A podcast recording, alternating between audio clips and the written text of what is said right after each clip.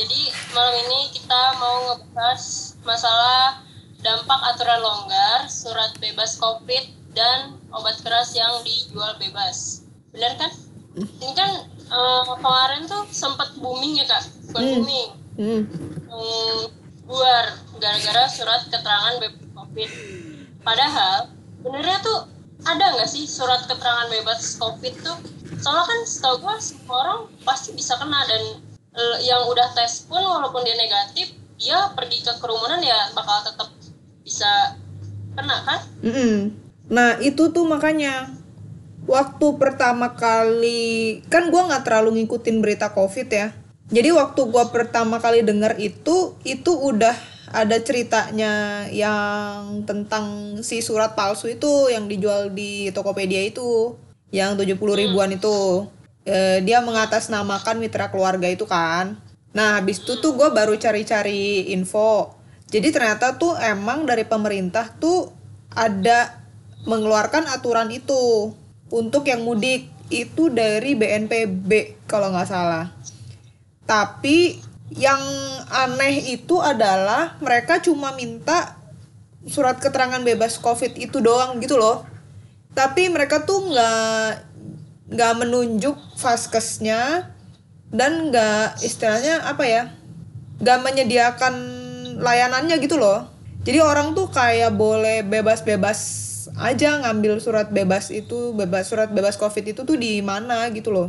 Padahal kan eh, sekarang kan pertama alat tes yang dari pemerintah itu itu kan cuma buat orang-orang yang PDP doang tuh yang pasien dalam pengawasan doang kan. Kalau misalkan nggak ada apa-apa tapi kalau lu mau periksa lu kan harus bayar kan. Nah itu jadi kalau orang nggak mau ngapa-ngapain eh nggak ada gejala apa-apa tapi misalkan mau mudik jadi dia tuh pertama dia harus eh, cari rapid test ini dulu. Nah ini rapid test yang berbayar ini kan juga nggak banyak. Nggak semua rumah sakit itu eh, punya kan tergantung rumah sakitnya beli apa enggak gitu. Terus eh kalau itu juga itu di Jakarta ya. Kalau misalkan di daerah lebih susah susah lagi kan. Lebih banyak yang nggak sakit yang nggak menyediakan itu gitu. Terus harganya juga pasti jauh lebih mahal. Itu. Terus ya jadi menurut gue sih harusnya tuh eh, dari pemerintah tuh kalau misalkan dia ngeluarin itu, dia harusnya menunjuk vaskes mana-mana aja yang eh, menyediakan si rapid test itu. Jadi suratnya tuh resmi cuma keluar dari insti- institusi yang itu aja, dari vaskes yang itu aja gitu. Nah ini kan orang bebas, boleh ngambil dari mana-mana aja. Jadi makanya bisa kejadian yang si rumah sakit mitra keluarga itu, karena mungkin dia ngiranya diri mitra keluarga ada rapid test gitu kali ya. Jadi eh ya udah pakai nama mitra keluarga aja gitu. Nah itu tuh yang eh, pertama. Nah terus tadi kayak yang lu bilang tadi, ini tuh cuma kayak surat bebas narkoba gitu loh. Jadi ya pada saat itu, pada saat diperiksa, lu lagi nggak pakai narkoba. Pada saat diperiksa, eh istilahnya lu lagi nggak nggak positif covid gitu loh. Tapi kan bukannya maksudnya bebas tuh bukan berarti lu bener-bener bebas sebebas bebasnya gitu loh. Karena kan sebenarnya kalau kayak rapid test sendiri itu kan juga harusnya diulang lagi kan. Hmm, Jadi, selama tujuh hari. Heeh, jadi si rapid test itu tuh karena dia hanya kayak screening gitu. Setelah dites, misalkan lu negatif, itu sebenarnya sekali lagi lu harus diperiksa. De, paling enggak dalam waktu dua minggu tuh diperiksa lagi gitu. Untuk memastikan bahwa lu benar-benar eh, nggak covid gitu. Tapi ya itu tetap aja nggak nggak menjamin bahwa lo akan bebas terus gitu. Jadi itu kan cuma kayak buat persyaratan gitu loh. Buat bisa mudik. Yang menurut gue itu aneh. Persyaratan itu tuh agak-agak nggak masuk akal. Tapi kayaknya dua hari lalu kalau nggak salah apa kemarin gitu, gue tuh ngelihat berita di pelabuhan ya. Jadi di pelabuhan itu ternyata dia ada nyediain em, poskonya itu jadi di posko kesehatan di pelabuhannya itu eh, itu bar di situ harus periksa rapid test sama eh, dapetin nanti surat surat eh, keterangannya itu. Tapi ya sama, itu tetap harus bayar. Dan itu 100 eh 100 gue lupa ya gue nggak tahu yang di pelabuhan itu harganya berapa. Tapi kalau rapid test yang dibayar di rumah sakit rumah sakit eh, yang biasa itu kalau di Jakarta tuh antara 250 ribuan sih. 250 sampai 500 ribu lah. 250 itu cuman rapid ya kak. Jadi belum Ya, sama hmm. konsulnya. Kalau Kalau di tempat gua karena gua lab juga kan jadi satu rapid itu harganya 300-an satu Heeh. rapidnya doang iya itu kan doang belum Ah, itu kan belum di, belum di luar retribusi masuk ke pendaftarannya kan. Ah, terus nanti ah, hasil konsultasinya juga, terus kalau lu ada bawa obat itu enggak itu benar-benar cuma rapid testnya doang. Hmm, Mm-mm. Jadi itu Jadi maksud gua, mm, maksud gua sih aneh gitu loh maksudnya. Kalau di negara-negara lain kan pemerintah kan berusaha memeriksa rakyatnya kan sebanyak-banyaknya gitu kan. Lo ada gejala, nggak ada gejala, eh, ya lu diperiksa gitu, Dicek. Terus, eh, dicek. Dan itu pemerintah eh, bayarin. Maksudnya lo nggak dipungut biaya gitu. Gue juga nggak ngerti kenapa cuma di Indonesia ini kayak mesti nunggu gejala dulu gitu orang baru diperiksa gratis gitu kalau misalkan enggak eh, lu bayar iya dan bayarnya benar-benar menguras dompet iya karena ah, karena kan semua alat rapid itu kita masih impor Hmm, Hmm, jadi jadi yang permasalahannya tuh itu kita belum produksi sendiri jadinya gitu deh Iya, eh kak, gue lupa lupa banget anjir pemula. Maafin ya teman-teman. Jadi eh, kita belum kenalan. ya Allah ya nggak apa-apa. Pemula. Semua dimaafin ini lagi. Ramadan ya kan. Jadi eh, kali ini yang nge-live tuh gue Tria, gue sebagai ilustrator di Perempuan Berkisah. Kalau eh, sekarang sama Cassandra, ini dari Dokter Tanpa Stigma. Eh, Cassandra juga apa sih lo editor ya kak? yes ya di perempuan berpisah. Jadi malam ini kita nge-live membahas itu tuh dampak aturan longgar dan akhirnya muncul hashtag Indonesia terserah. nah, itu gimana? Bisa sampai terserah kak? sebenarnya tuh nah ini dia makanya. Awalnya tuh dari mana ya? Tapi gue sih terpelatuknya gara-gara si surat covid ini kan. Karena menurut gue ini udah udah maksudnya gila sih. Orang tuh demi banget ya. Demi mudik terus sampai jualan Bikin surat. Iya, bikin surat kayak gitu. Maksud gua, ya gua bingung juga sih. Maksudnya masyarakatnya juga gitu, pemerintahnya juga bikin peraturan yang ngaco istilahnya yang gak ketat gitu ya, longgar banget kayak gitu. Jadi ya itu kan membuka peluang ya orang bikin bikin penipuan kayak gitu gitu loh dan orang kemakan. Mereka bayar bayar buat beli si surat bebas covid itu gitu loh maksud gue orang Indonesia tuh kayak nggak peduli kesehatan banget apa gimana sih gue juga nggak ngerti gue nggak semua sih kak, tapi beberapa beberapa ada yang emang eh gue juga nauin ya pasti beberapa ada yang emang kayaknya gue harus pulang ke kampung karena memang di sini ke gue udah nggak ada kerjaan atau Heeh. at- Hmm. tapi kan keba- eh, ada juga yang pulang kampung ya emang pengen pulang aja dan pengen mudik Ya. aja Nah itu dia, itu kan yang kita kita nggak bisa kan kayak gitu. Maksud gue, kalau misalkan si pemerintah nyuruh eh, untuk eh, apa bawa surat bebas covid itu, ya orang-orang yang pulang kampung karena dia nggak ada kerjaan lagi di Jakarta, ya dia daripada dia bayar 250.000 ribu lebih buat rapid test, mending dia bayar 70.000 ribu beli di online, ya kan? Ya kan?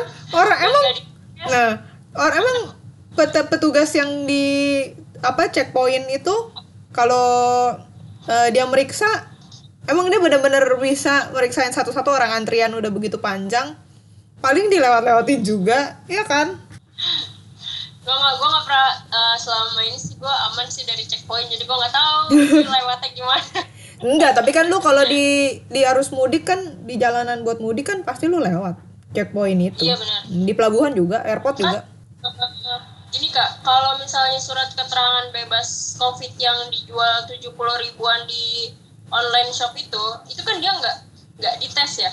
Nggak. berarti kan dia berpeluang Kak, siapa tahu kalau di jalan atau memang dia sebenarnya positif tapi dia nggak tahu dan akhirnya dia pulang menyebarkan ke keluarganya ke orang-orang terdekatnya. Sebenarnya itu gimana ya? Kenapa orang-orang nggak sampai berpikir ke situ malah mikirnya yang penting gue pulang kampung. Ya itu coba lu tanyain sama yang nanti ketahuan positif di di kampungnya soalnya. Jadi gue juga nggak ngerti makanya. Kayaknya ya yang kayak yang gua menduga sih orang-orang itu kayaknya tuh nggak paham-paham bener gitu loh eh, gejala-gejalanya COVID. Dia nggak paham tentang prinsip dan karakter penyakit dari COVID ini. Jadi kayaknya tuh mereka nggak ngerti bahwa penyakit ini nih bisa muncul tanpa gejala gitu. Artinya lu bisa nularin eh, tanpa lu ada gejala-gejalanya gitu kayaknya itu yang ma- masyarakat nggak ngerti sih atau mungkin mereka ngerti tapi mereka nggak peduli gue juga nggak nggak tahu deh soalnya kan kalau misalkan lu di Jakarta ya kan lu terpapar sama begitu banyak informasi kan harusnya lu tahu gitu. Tapi ya kalau emang orang yang nggak peduli gue nggak ngerti lagi deh. Eh jangan ngomongin ini mudik. Itu mall di mana tuh yang kemarin buka aja langsung rame oh banget. ini. Ini di Ciledug. Yang penutupan apa MC di Sarina? Ya. Mike di Sarina lagi bingung lo? Ya kan maksud gue itu penting banget apa gimana sih? Gue nggak ngerti deh. Orang rela kumpul desek-desekan deket-deketan gitu sama orang. Ya pakai masker. Banyak yang nggak pakai masker loh di situ. Tapi pada bawa kamera dong. Nah, ya kan? Maksud gue kalau lu bisa megang handphone lu buat memvideo penutupan McD Sarina, lu harusnya bisa Google kan? Lu harusnya bisa Google kan, bisa tahu kan tentang COVID dan perkembangannya gitu loh, apa yang harus dilakukan, apa yang enggak gitu. Nggak masuk akal menurut gue. Terus kasihan sama nakes-nakesnya yang akhirnya nanti makin tambah banyak, malah tambah nggak bisa pulang.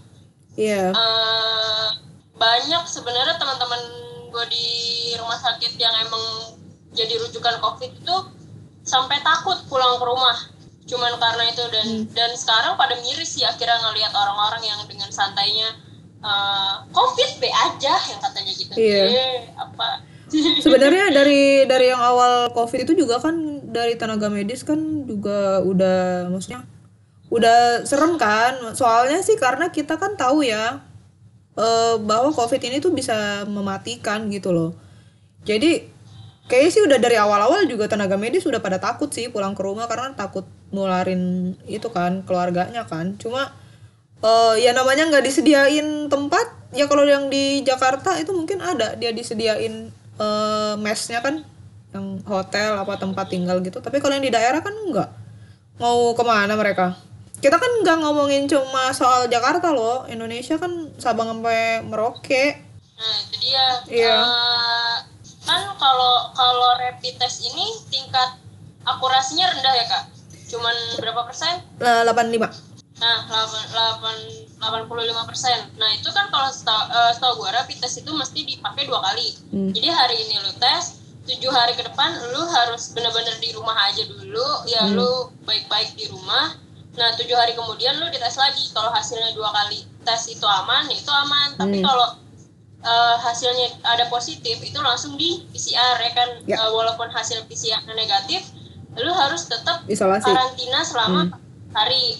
Nah, tapi kenapa kalau eh, kebanyakan orang, oke gue udah bikin nih, gue udah tes nih, gue udah tes rapid dan hasilnya negatif, berarti gue bisa mudik. Kan sebenarnya nggak segampang itu. Apa Iya. memang itu harus eh, bisa dapat surat keterangan bebas covid? Nggak itu dia makanya itu kan dari aturan dari pemerintah yang serba nggak jelas kan. Jadi pemerintah tuh kayak cuma, aduh gue diciduk intel apa enggak nih kalau gue ngomong kayak gini. pemerintah tuh, pemerintah tuh kayak cuma ngebacot doang gitu loh. Jadi dia cuma nyeples gitu keluarin. Kalau mau mudik harus bawa surat keterangan bebas covid. Tapi mereka tuh kayak nggak mikirin implementasinya di lapangan tuh kayak gimana. First itu tadi kita udah ngomongin ya kan soal harga kan. Itu udah harga yang jelas-jelas nggak masuk akal untuk orang-orang yang eh, kemampuan keuangannya nggak segitu. Terus secara teknis kayak yang lu bilang eh, tadi bahwa sebenarnya kan lu baru dinyatakan bebas covid itu kalau lu udah dua kali ngerepit negatif dua-duanya dalam jangka waktu dua minggu which is kalau dua kali berarti lu bayar dua kali ya itu berarti 500 ribu plus plus ya kan? Ya. Nah terus belum Sekitar. lagi ah, ah, terus belum lagi soal ketersediaan yang gue bilang tadi. Dia nggak tersedia di eh, banyak tempat gitu dan itu pun juga kayak berebutan gitu loh. Nah kayaknya tuh pemerintah tuh nggak mikirin soal hal ini gitu loh bahwa eh, di lapangan itu nggak memungkinkan dan itu terlalu aneh kalau lu harus membawa surat keterangan covid yang surat itu tuh gampang banget buat dipalsuin gitu loh. Jadi maksud gue pemerintah itu dia sebenarnya mau melarang orang apa enggak untuk mudik. Ini kan kayak antara satu menteri sama menteri lain ngomongnya tuh beda. Yang satu ngomong apa yang satu ngomong apa. Satu bilang boleh satu bilang nggak boleh. Satu bilang boleh tapi harus bawa surat covid. Satu bilang nggak boleh. Aduh jadinya tuh makanya jadi kebuka celah buat surat keterangan bebas covid ini gitu loh tapi ya mau Tapi sebenarnya gimana balik lagi ke dirinya masing-masing ya kalau kalau kitanya mikirin gimana nanti orang-orang di sana yang bisa kena kalau kita pulang tanpa kita tahu kita bawa virus ya harusnya sih nggak bang ya tapi kan nah ya balik lagi Iya, sebenarnya susahnya tuh kayak gini, Tri. Kalau di permasalahan penyakit yang kayak gini, itu kita nggak bisa kayak ngembaliin ke masing-masing orang. Kayak kalau misalkan uh, urusannya tuh misalkan dengan penyakit diabetes gitu ya, ya lu terserah kalau lu mau makan manis, lu nggak mau olahraga, ya kan lu nggak pernah kontrol gula lu, nggak pernah minum obat gula, ya lu mau gimana sama hidup lu terserah. Karena itu kan kayak eh, ya tanggung jawab lu sendiri terhadap hidup lu sendiri kan. Lu yang kena diabetes nggak bakal eh, ini juga bukan orang lain juga kan yang kena tapi kan kalau misalkan covid lu nggak bisa ngomong kayak gitu. Karena kalau satu orang nggak peduli dia bisa potensi untuk nularin yang lain. Makanya gue tuh sebel banget kalau sama orang-orang yang kayak menyepelekan. dia menyepelekan. Karena permasalahan ini nih bukan cuma jadi urusan lu doang. Lu bisa menulari orang-orang yang lain dan orang-orang lain itu bisa mati gara-gara lu. Jadi sebenarnya tuh kita semua bareng-bareng harus kompak nah ngompakin orang se-Indonesia itu kan susah banget ya. Hampir mustahil. Jadi menurut gua tuh harusnya dari pemerintah yang ya yang jelas gitu loh maunya tuh gimana. Gak Oke. bisa kalau cuma surat bebas covid. Tarik napas tarik napas tarik napas tarik sebel. Kalau ini soalnya nggak jadi nggak beres-beres. Kalau misalkan kayak gini terus kita tenaga medis sudah banyak berguguran loh. Mau sampai kapan? Lama-lama habis kita ya habis kalau tenaga medis habis ya biarkan mereka akhirnya sadar diri. Karena Iya. udah saking kesalahan. Ini kak ini ada yang nanya. Apaan? Eh aduh mana tuh tadi? Terus Oh, ini. menurut menurut kau konsep new world eh apa nih? New normal, ya? world order dong. New normal yang mau diberlakukan tanggal 1 Juni. Nah menurut lu gimana tuh tentang new normal new normal tuh gue sebenarnya belum baca bener-bener juga ya dia eh, detailnya tuh kayak gimana. Cuma gue nggak bener gue nggak yakin sih bahwa 1 Juni udah bisa mulai pelan-pelan diberlakukan new normal ini gitu. Itu kan kayak pelan-pelan dibuka gitu kan pelan-pelan diizinkan untuk kembali seperti eh kembali seperti biasa lagi gitu loh. Tapi gue nggak yakin soalnya grafiknya itu kita masih naik terus loh new normal itu kayak kebiasaan-kebiasaan kita yang sekarang kayak jaga jarak terus pakai masker ke mana aja Ya, tapi kan eh, tapi kan kayak kan, kantor sama apa pun yang itu kan udah mulai bisa kerja lagi kan? Iya. Gimana bisa kayak begitu sih orang bener-bener PSBB aja kalau nggak buburit nggak kayak PSBB macet. New normal apaan? Nggak ada new. Old. Eh, ya dari dulu gitu-gitu aja, sama aja, nggak ada yang berubah. Udah macet lagi. udah buka Oh. batal Aduh. Gila kata gue orang-orang ini PSBB nggak PSBB sama aja rasanya. kayaknya eh, corona udah di portal di depan jadinya nggak bisa masuk jadi dia Ya. santai Ya kirain cuma di portal di perumahan doang. Gak nggak. Eh, Gue nggak yakin nama new normal ini. Eh gue kalau ngeliat dari grafiknya ini masih naik banget, bahkan naiknya masih cepet banget.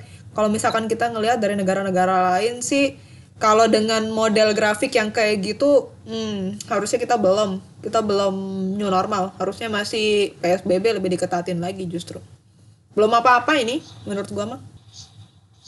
Iya benar, tapi kasihan sih eh, dampak dari PSBB ini kan banyak ya kak, kayak banyak orang-orang yang akhirnya kehilangan pekerjaan, banyak orang-orang yang eh, bahkan banyak perempuan yang akhirnya kena PHK, udah PHK, kena pandemi, kena KDRT lagi, itu makin banyak kan sekarang kasusnya. Iya. Nah itu harusnya gimana biar nggak kayak gitu sekarang mau nyalahin mau nyalahin siapa juga nggak bisa karena memang emang keadaannya begini Iya. tapi eh, bisa nggak sih itu tuh diminimalisir Eh, gua yang masih kepikiran sekarang sih cara meminimalisir yang eh, seperti itu ya maksudnya kelompok yang rentan perempuan terutama atau korban PHK yang gua eh, kepikiran sih cuma kalau lu punya BPJS sih. Kalau lu punya asuransi kesehatan nomor satu. Eh kan lu bisa minta jadi penerima bantuan kan jadi lu nggak bayar nggak bayar iuran tiap bulannya kan itu menurut gue udah membantu banget. Jadi kalau misalkan di di masa pandemi ini minimal kalau misalkan lu nggak ada pemasukan atau apa apa tapi kalau misalkan lu sakit ya me- mending kan kalau misalkan lu udah ada BPJS gitu loh. Jadi lu nggak udah nggak pusing lagi dengan biaya untuk berobat gitu. Paling nggak satu poin pengeluaran di keseharian lu itu lu udah nggak perlu khawatir lagi gitu. Nah sisanya sih ya gimana ya ya tinggal lu berkreasi aja kali ya nyari ini gimana. Gue juga nggak ini soalnya kalau misalkan untuk teman-teman yang kena jadi korban KDRT gitu misalkan ya serba susah juga Tri. Karena kan semua layanan-layanan pengaduan juga mereka kan eh, WFH juga mereka ada pembatasan ini kan untuk layanan pengaduan mereka gitu loh. Jadi ya terus belum lagi kalau misalkan mereka masih terjebak di dalam satu rumah sama si si pelakunya itu. Serba susah memang iya serba susah. Tapi ya gimana gue juga nggak ini yang gue kepikiran sih cuma itu. Yang penting yang bisa lu amankan dulu ya lu amankan salah satunya tuh ya biaya sakit BPJS kan lumayan ya itu biaya buat berobat tuh serem loh. Lu kalau nggak punya asuransi nah cuma kan masalahnya asuransi itu lu udah udah harus punya selagi lu sehat. Bukan lagi lu pas sakit tuh tiba-tiba bingung sendiri gitu loh. Ah, jadi pas lu lagi sehat ini lu, lu semua nih yang lagi nonton lu, lu pada sehat lu urusin BPJS lu gitu. Jadi pas lu ntar sakit lu nggak pusing. Termasuk kalau misalkan ada apa gejala-gejala yang terkait corona ini kan kalau ada BPJS kan lu harusnya nggak ditarik. Maksudnya nggak ditarikin Emang ya? duit Mm-mm. oh gue baru tahu. Iya. Soalnya di tempat gue kerja yang yang jadi gue kerja di dua tempat kan di dua klinik nah yang satu tuh lebih ke rumah bersalin. Kalau di rumah bersalin itu kita memang ngadain rapid test karena kan buat ibu, Ibu hamil. mau melahirkan ya buat gitu juga. Jadi setiap ibu mau ibu yang mau melahir yang mau partus ya yang mau melahirkan kita rapid test dulu. Mm-mm. kayak gitu. Nah itu kan kalau misalkan dia ada BPJS dia harusnya nggak ditarik loh. Kagak itu kagak BPJS men. Itu ditarik. Itu apa? Swasta? Dia terima BPJS nggak klinik lo itu enggak oh emang nggak oh emang nggak oh ya udah. Hmm. Nah, jadi itu rapidnya sendiri aja isi 20 eh isi 20 piece harganya 6 juta. Hmm. impor kan soalnya Ya kak, udah nih bahas bahas covidannya udahan nih ya. Sekarang kita lanjut ke ya? selanjutnya karena gue udah mulai stres ngomongin covid yes dari gue batal part 2 mending kita ngomongin lagi sekarang masuk ke apa tuh? Obat keras. Oh iya tadi eh ke- tadi siang itu gue bikin pertanyaan kan di Instagram gue dan itu ada beberapa pertanyaan Ya. yang masuk. Udah siap? Buat Yuk. ditanya-tanya oke. Nah yang pertama kak dulu gue pernah aborsi dengan sitotek. Apa akan ada masalah dengan rahim gue di kemudian hari? Jawab. Itu pertanyaannya tuh. Ya. nah Iya. jadi sebenarnya obat yang seperti sitotek itu itu kan obat keras ya. Jadi itu obat yang harus dipakai di bawah pengawasan dokter sebenarnya dengan indikasi medis. Jadi kalau misalkan di lu beli online itu kan berarti kan lu nggak bukan berdasarkan resep lu tidak melakukan pemeriksaan dengan dokter sebelumnya dan lu menggunakan obat itu tidak di bawah pengawasan dokter yang berarti lu nggak tahu dosis yang seharusnya kayak gimana dan eh lu menggunakan itu untuk janin yang sehat. Artinya nggak ada indikasi medis apa-apa gitu. Sesuatu hal yang sehat tapi eh, lu gunakan eh, obat itu gitu. Jadi ya jelas banyak efek sampingnya lah. Gimana? Lu nama kita kan ada alasannya untuk memin untuk menjadikan itu sebagai obat keras memaksa pasien harus eh, pemeriksaan dulu mendapatkan resep dan eh, berdasarkan indikasi medis itu kan ada alasannya. Karena memang nggak bisa sembarangan pakai obat itu. Jadi kalau misalkan em, kalian udah membeli obat itu secara sembarangan di online yang gue juga nggak bisa menjamin bahwa obat itu adalah obat yang asli artinya gue nggak tahu itu benar-benar pure 100% isinya adalah benar atau dia sudah campur dengan bahan lain gue nggak tahu. Ya jelas akan ada eh, permasalahannya.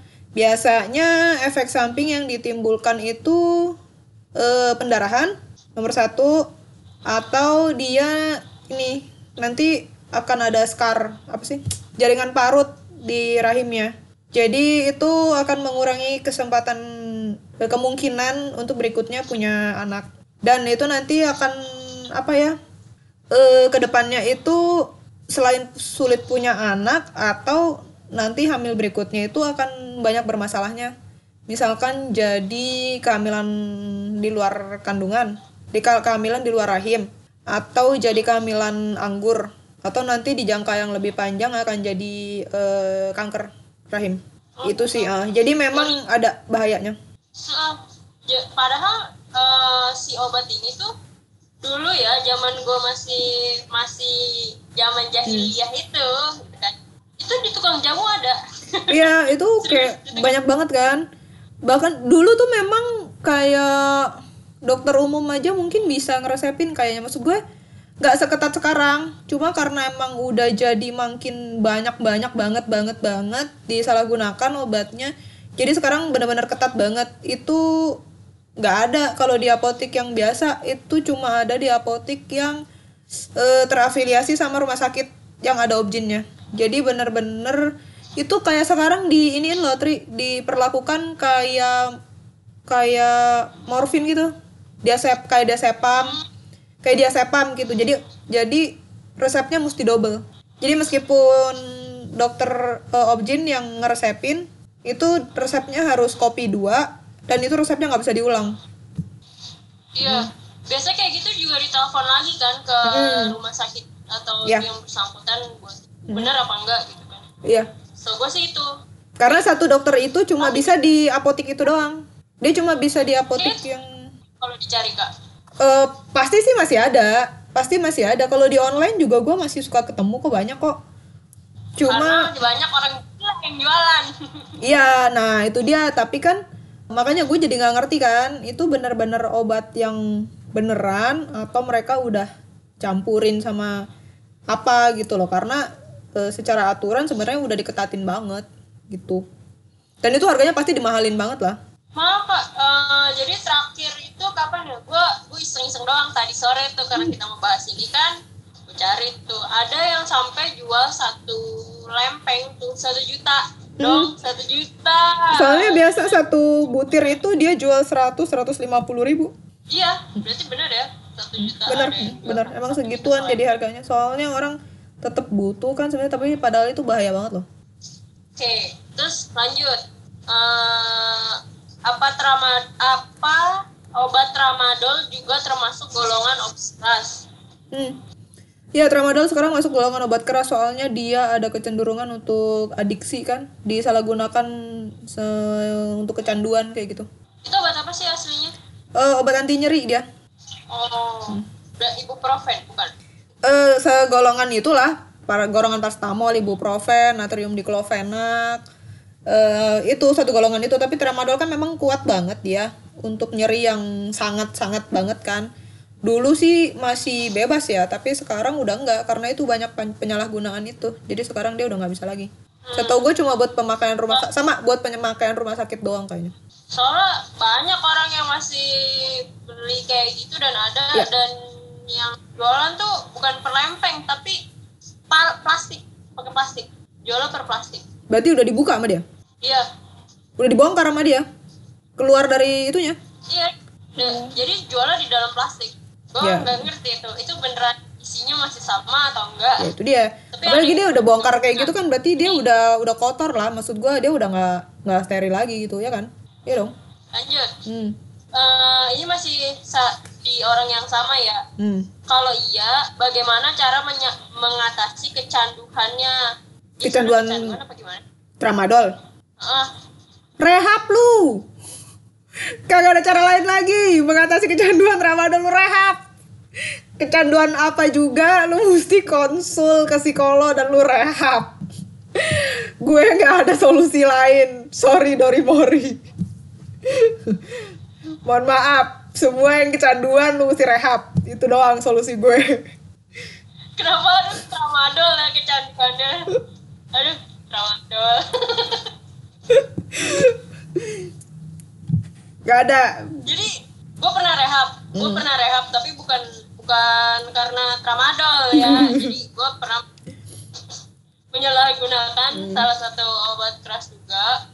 Namanya Sanax. hmm. itu dulu gua terus itu gue sampai rehab dua kali kenapa Hmm. bis eh, udah rehab balik lagi rehab lagi Hmm. karena karena enak jadinya Iya. susah itu sanak semua ya sanak semua yang lu pakai yoi Hmm.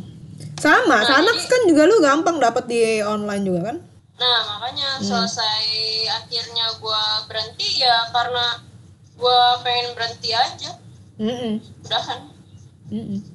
nggak pengen Iya, itu dia. jadi mengatasi kecanduan dengan rehab dan Yap, satu dan eh, niat. niat Iya. dari diri lo sendiri kalau lo nggak niat ya lo nggak bisa bisa berhenti Iya, lu mau rehab seribu kali juga sama aja. Pokoknya intinya lu kalau misalkan masalah kecanduan, kecanduan apa pun ya, nggak cuma obat doang, lu mau kecanduan eh, game online lah, lu mau kecanduan apa gitu, utamanya sih lu harus konsultasi dulu ke psikolog atau psikiater gitu loh. Karena eh, kayak yang lu bilang tadi, sebenarnya kan kecanduan itu kan bukan apa ya? Bukan cuma semata-mata karena obatnya doang itu yang bikin kecanduan. Tapi kan dari lu nya sendiri gitu. Ada permasalahan dari dalam diri lu yang lu merasa bisa diselesaikan dengan eh, suatu bahan atau kegiatan tertentu gitu loh. Jadi itu psikologis lu yang harus diatasin dulu gitu. Selama psikologis lu nggak nggak teratasi ya lu mungkin akan nggak kecanduan tramadol lagi misalkan tapi lu nanti akan kecanduan yang lain lagi itu doang lu cuma pindah kecanduan doang Iya, cuma nyari pusingnya doang, nyari enak. iya menyelesaikan masalah. Jadi coba kalau ada masalah diceritain, nggak apa-apa. iya Mau chat, mau DM, ada ujungnya lu beli yang enggak-enggak, Iya. terus lu pakai enak di beberapa jam doang. Setelah itu lu pusing lagi, mending lu cerita kalau ada masalah cerita, iya cerita. Terus apa lagi sih nih? Susah banget tulisan gue kebacanya. Bagaimana cara mengatasi diri dari obat-obatan tersebut? Mengatasi, membatasi, membatasi diri dari obat-obatan tersebut. Eh, obat yang mana aja nih ya? Kita lagi ngomongin obat keras kan ya? Kalau tadi ngomongin soal sanak sama tramadol gitu. Eh menurut gue pertama lu harus tahu dulu permasalahan lu itu apa. Diagnosa medis lu apa? Kenapa lu sampai membutuhkan obat itu gitu? Karena eh, itu kan obat-obat golongan keras. Artinya lu harus ada diagnosa yang sesuai sama itu. Kan nggak juga lu kalau misalkan cuma pusing-pusing biasa dokter lu langsung ngasih tramadol. Kan nggak gitu gitu loh alurnya. Jadi jadi cara apa tadi? Membatasi pemakaian obat-obat tersebut. Ya first of all lu harus ikutin aturan dari dokter lu itu lu mau beli obat itu tuh sesuai anjuran dokter apa enggak kalau misalkan enggak ya lu nggak usah beli. Itu aja pembatasannya ya kan? Lu carilah solusi yang lain. Lu baca-baca dulu harusnya. Lu itu obat apa?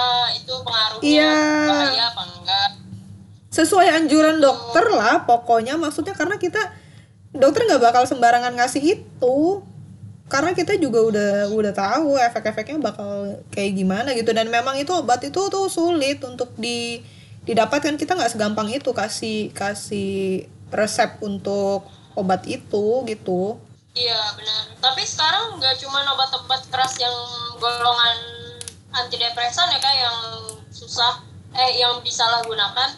Tapi obat-obat obat-obat warung pun bisa disalahgunakan. Iya. kayak waktu waktu gua masih kerja di Pulsa tuh yang kemarin yang kemarin kita keluar ah ikut Iya, jadi waktu itu sempat ada em, apa? Jadi minum komik, komik hmm. obat batuk. ya Eh, gue nyebut merek. itu dia satu sekaligus dong. Ah. iya iya Nah, Enggak makanya gue bilang kalau lu udah mang, lu udah ada kecenderungan untuk mencandu suatu bahan, kan lu akan tetap mencari bahan apa pun gitu loh. Karena yang harus lu beresin kan psikologis lu kan. Jadi tadi cara membatasinya selain lu mengikuti saran dari dokter lu, ya lu konsultasi untuk psikologis lu gitu untuk mengatasi keinginan lu untuk mencandu sesuatu hal gitu. Karena kalau misalkan lu udah ada kecenderungan untuk mencandu it, mencandu itu, lu nggak dapat satu obat, lu berusaha membatasi penggunaan obat eh, A gitu ya misalkan, lu tetap akan berusaha nyari ke hal-hal yang lain gitu. Jadi ya saran gua itu juga konsultasi psikologis. iya dan kalau lu mau rehab, bisa rehab di Kuldesak yang kemarin tuh. Itu ada rehabnya, rehab buat pengguna nafsa. Jadi rehabnya rehab jalan. Jadi gue dulu sekalian kerja, sekalian gue rehab. Hmm. Gak apa-apa, itu kan juga sebenarnya kan sekarang kan udah banyak tuh yang dari BKKBN juga. Kalau mau eh BKKBN buset deh. Apa? Di BNN. BNN buset BKKBN. BNN. BNN itu kan yang ke KB dong makanya. BNN itu kalau misalkan yang gratis kan gratis kan BNN. Eh terus kalau misalkan lo mau yang swasta juga kan banyak sekarang sebenarnya. Jadi eh, pilihan tuh ada sebenarnya tinggal gimana dari elunya aja. Mm, bener. Jangan sampai lu kena apes. Mm-mm. Nah, lanjut. Eh, ini lu pasti rada bingung dah, soalnya gue bingung juga sama pertanyaannya. Kak, lu tahu gak sih si Totek itu dijual di tukang jamu? Terus kenapa dia jualan di tukang jamu? Kenapa tukang jamu jualan kalau tahu itu obat keras? Jawab dah tuh. Hello, karena masih banyak yang mau beli.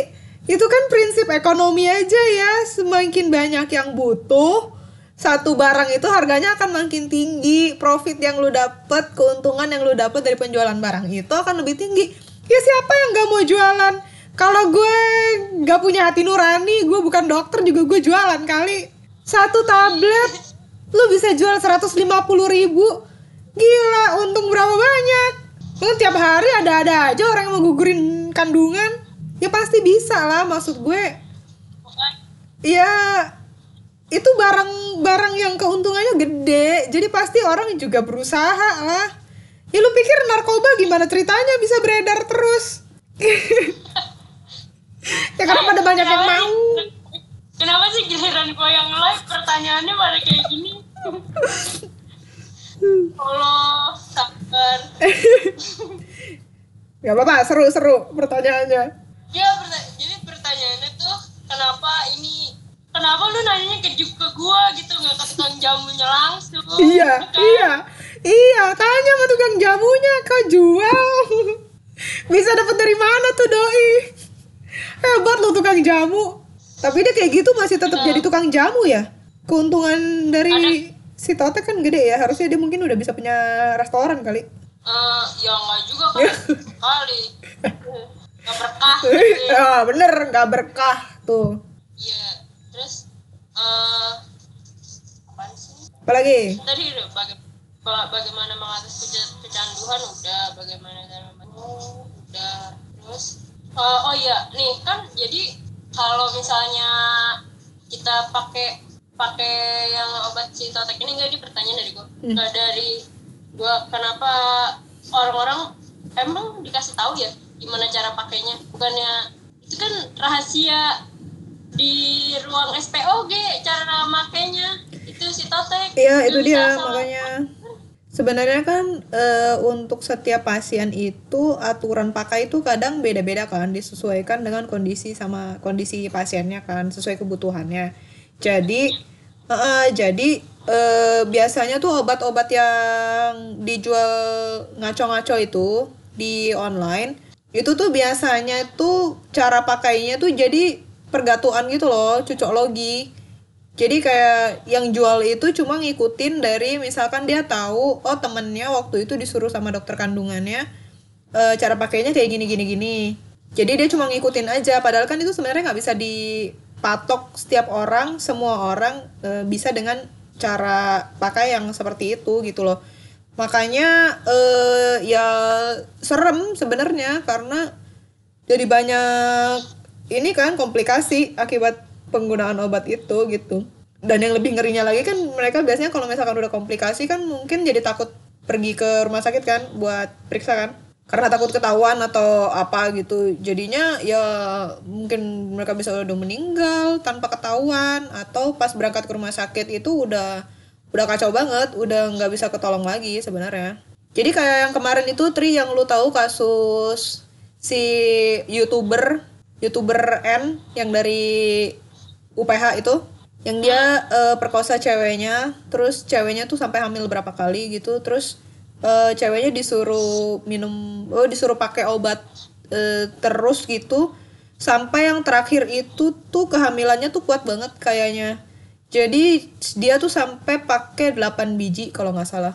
Itu sih Eh, nah itu gua nggak tahu ya. Maksudnya yang gua denger sih gitu. Tapi kan gua nggak tahu dia pakainya gimana caranya kan. Maksudnya jarak pemakaian 8 biji itu tuh gimana cara pakainya kan gua nggak tahu. Tapi kalau eh, seandainya kayak misalkan itu dipakai dalam jarak deket sih itu parah banget sih. Karena itu Karena gua itu asli bisa mati sih orangnya. iya karena Parah.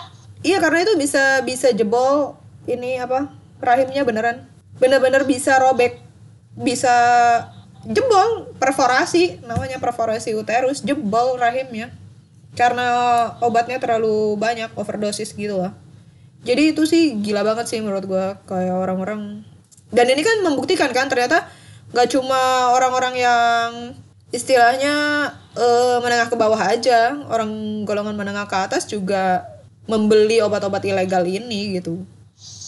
Sebenarnya kayak gini tuh balik lagi ya masalahnya ke uh, kurangnya sex education. Mm, pangkalnya sih itu. Emang lu pikir lu berhubungan badan gitu kalau lu nggak pakai kondom apa yang mau lu dapat? Kulkas ya anak ngaco juga. Iya itu dia. Makanya cuma kan sayangnya kalau misalkan dari hubungan seksual yang kayak gitu biasanya kan yang eh, dirugikan kan perempuannya karena kan yang hamil yang perempuannya gitu loh jadi harus lebih ekstra hati-hati buat teman-teman yang perempuan. Jangan eh, mudah termakan rayuan. Aku akan menikahimu. Aku sayang kamu. Hmm, masa kamu nggak mau sih? Kamu nggak sayang aku. Janganlah, kalau cowok-cowok tuh gampang ngomongnya karena mereka tidak eh, akan menanggung beban ke kehamilannya itu. Kita yang perempuan-perempuan yang akan menanggung kalau resiko dari hubungan seksual itu ya kita harus hati-hati gitu. Tuh, iya. Jadi eh ini pelajaran banget ya. Bedakan antara ngomong jorok dan sex education. Jadi mulai sekarang Iya. yang masih belum tahu sex education apa, itu baca aja tuh di storynya, eh, di highlightnya dokter tanpa stigma. Di situ ada Yes, ada ada ada. sex Hmm. Dan terutama sih sebenarnya lu belajar dari sumber-sumber yang terpercaya ya. Maksud gua kadang-kadang juga orang tuh lebih suka percayanya tuh sama yang enggak-enggak gitu loh. Lebih percayanya sama film bokep, sama stensilan, sama enggak gua nggak tahu lah mereka dengar cerita dari mana ya kan. Tapi giliran kalau misalkan nanya dokter terus dia nggak percaya sama dokternya. Kalau dia baca dari sumber yang agak yang lebih terpercaya gitu males bacanya. Ah, Orang Indonesia lah, kapan pinternya kalau kayak gitu? Gak semua kayaknya semua. ada ada tetap ada yang pintar daripada ya kan, nanti kita viral oh iya ada ada tetap ada tetap ada yang pintar Iya. Yang pintar ada, yang baik hati juga ada. Yang cerdas, ya kan? Kita puji-puji aja semua nih ini kita, penonton kita. iyalah nih ini sebenarnya beda ya sama yang lagi kita bahas. Eh, kita lagi bahas obat tapi dia nanyanya eh, tanggapan kakak tentang selebgram yang sotoy kemarin. Apaan sih? Om. aku Oh, ya udah, ya udah. ah Nggak, nggak, nggak, kalau kalau nggak, nggak. Kita kita kalau gitu kita sambungin sama sama ini aja pembicaraan kita malam hari ini kan tentang aturan-aturan yang longgar. Nah, satu hal lagi dari aturan-aturan kita ini, ini sebenarnya bukan longgar sih kalau yang ini, tapi ini menjengkelkan. Ini pasal karet.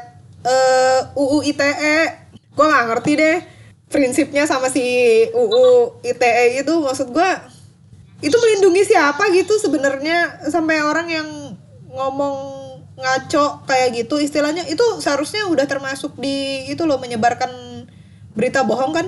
Apa ya? bukan berita bohong sih apa sih yang meresahkan masyarakat gitu loh. Jadi eh, seharusnya sih itu dia bisa di dipidana dengan UU ITE itu kan. Kayaknya sih ada yang mau menuntut dia sih dengan UU itu. Tapi ya gitulah. Kayaknya sih soal undang-undang ITE ini masih banyak yang belum tahu ya. Jadi mereka kayak masih ngaco-ngaco aja gitu mau ngomong sembarangan sembarangan kayak gitu hmm, be- kayak nggak mikir gitu. Mereka lupa ada UU ITE cuma ya Iya. kalau lagi kayak gini UU ITE bisa dipakai. Cuma kalau misalkan lagi si korban kekerasan seksual ngelapor nah pakai UU ITE gue males banget sih sebenarnya.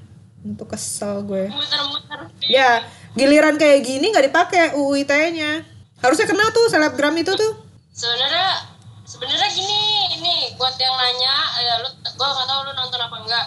Eh setiap orang sekarang mau followers lu banyak atau followers lu dikit setiap orang adalah influencer buat yang follow lu. Mm-mm. jadi apa pun yang lu share apa pun yang lu kasih tahu ke followers lu apa pun yang lu tulis deh di snap lu atau di feed lu itu pasti dibaca dan pasti ada beberapa orang yang mengikuti. Jadi pergunakanlah ketenaranmu sebaik mungkin. Iya yang amanah lah ya. Lu punya follower tuh follower itu tuh Iya, jangan- lu tanggung jawab lu. Pergunakanlah ketenaranmu sebaik mungkin. Iya. Karena kalau orang-orang udah kesel nanti lu di report akun lu hilang. Iya. Jadi lu terus lu ntar iya kita sekarang keroyokan ya kalau ada yang rese dikit kita reportnya rame-rame ya. Jadi langsung tutup. Eh kita masih lama kan? Nggak tinggal berapa nih? Lima menit lagi kali. Oh, masa sih? Iya. Oh iya. Yaudah kak. Terakhir. Ditutup. Oke. Sebelum waalaikumsalam. Oke, jadi dari pembicaraan yang kelihatannya santai ini sebenarnya gue pengen ngingetin sama temen-temen supaya temen-temen lebih berhati-hati lagi untuk membeli obat-obatan di tempat yang tidak seharusnya. Karena sekarang dunia berubah, kebutuhan eh, bisa berubah, ada juga yang tetap sama, tapi ya kalian harus bisa eh, memilah gitu mana yang baik, mana yang ini akan berbahaya gitu. Kenapa eh, yang ini dibatasin seperti ini? Kenapa yang obat yang lain tuh enggak gitu. Jadi ini kan tentang diri lu sendiri, tentang badan-badan lu sendiri. Yang kena bahayanya itu ya lu sendiri juga gitu loh. Jadi gue saran sih janganlah beli-beli obat-obatan di tempat-tempat yang ilegal gitu loh karena bahayanya itu banyak banget. Terus untuk situasi yang pandemi ini eh, apa ya surat covid apa segala macem gitu ya gue minta tolong aja deh sama kalian. Terserah mau didengerin apa enggak kalian mau ikutin apa enggak. Gue juga capek gue juga bingung ya ngadepin orang-orang semua. Cuma please lah covid ini tuh bukan cuma soal lu doang. Kan lu bisa lu bisa nularin ke orang-orang lain gitu. Jadi ya ya lu pikir sendiri deh. Gimana deh? Gue nggak ngerti.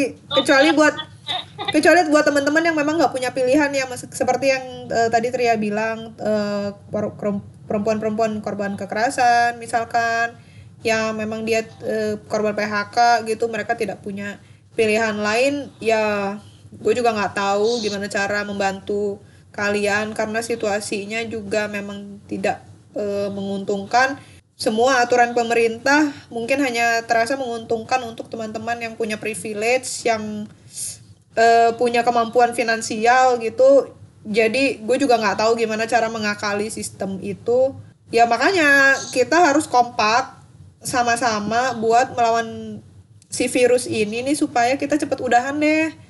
Jangan macem-macem jangan aneh-aneh. Jadi kita beres gitu terus kita bisa balik lagi normal. Dan semua teman-teman yang nggak punya privilege itu yang di PHK bisa kerja lagi yang terjebak di dalam situasi yang mengerikan itu bisa keluar lagi seperti normal lagi gitu loh Iya, gue sumpah gue kangen kangen banget pengen berenang.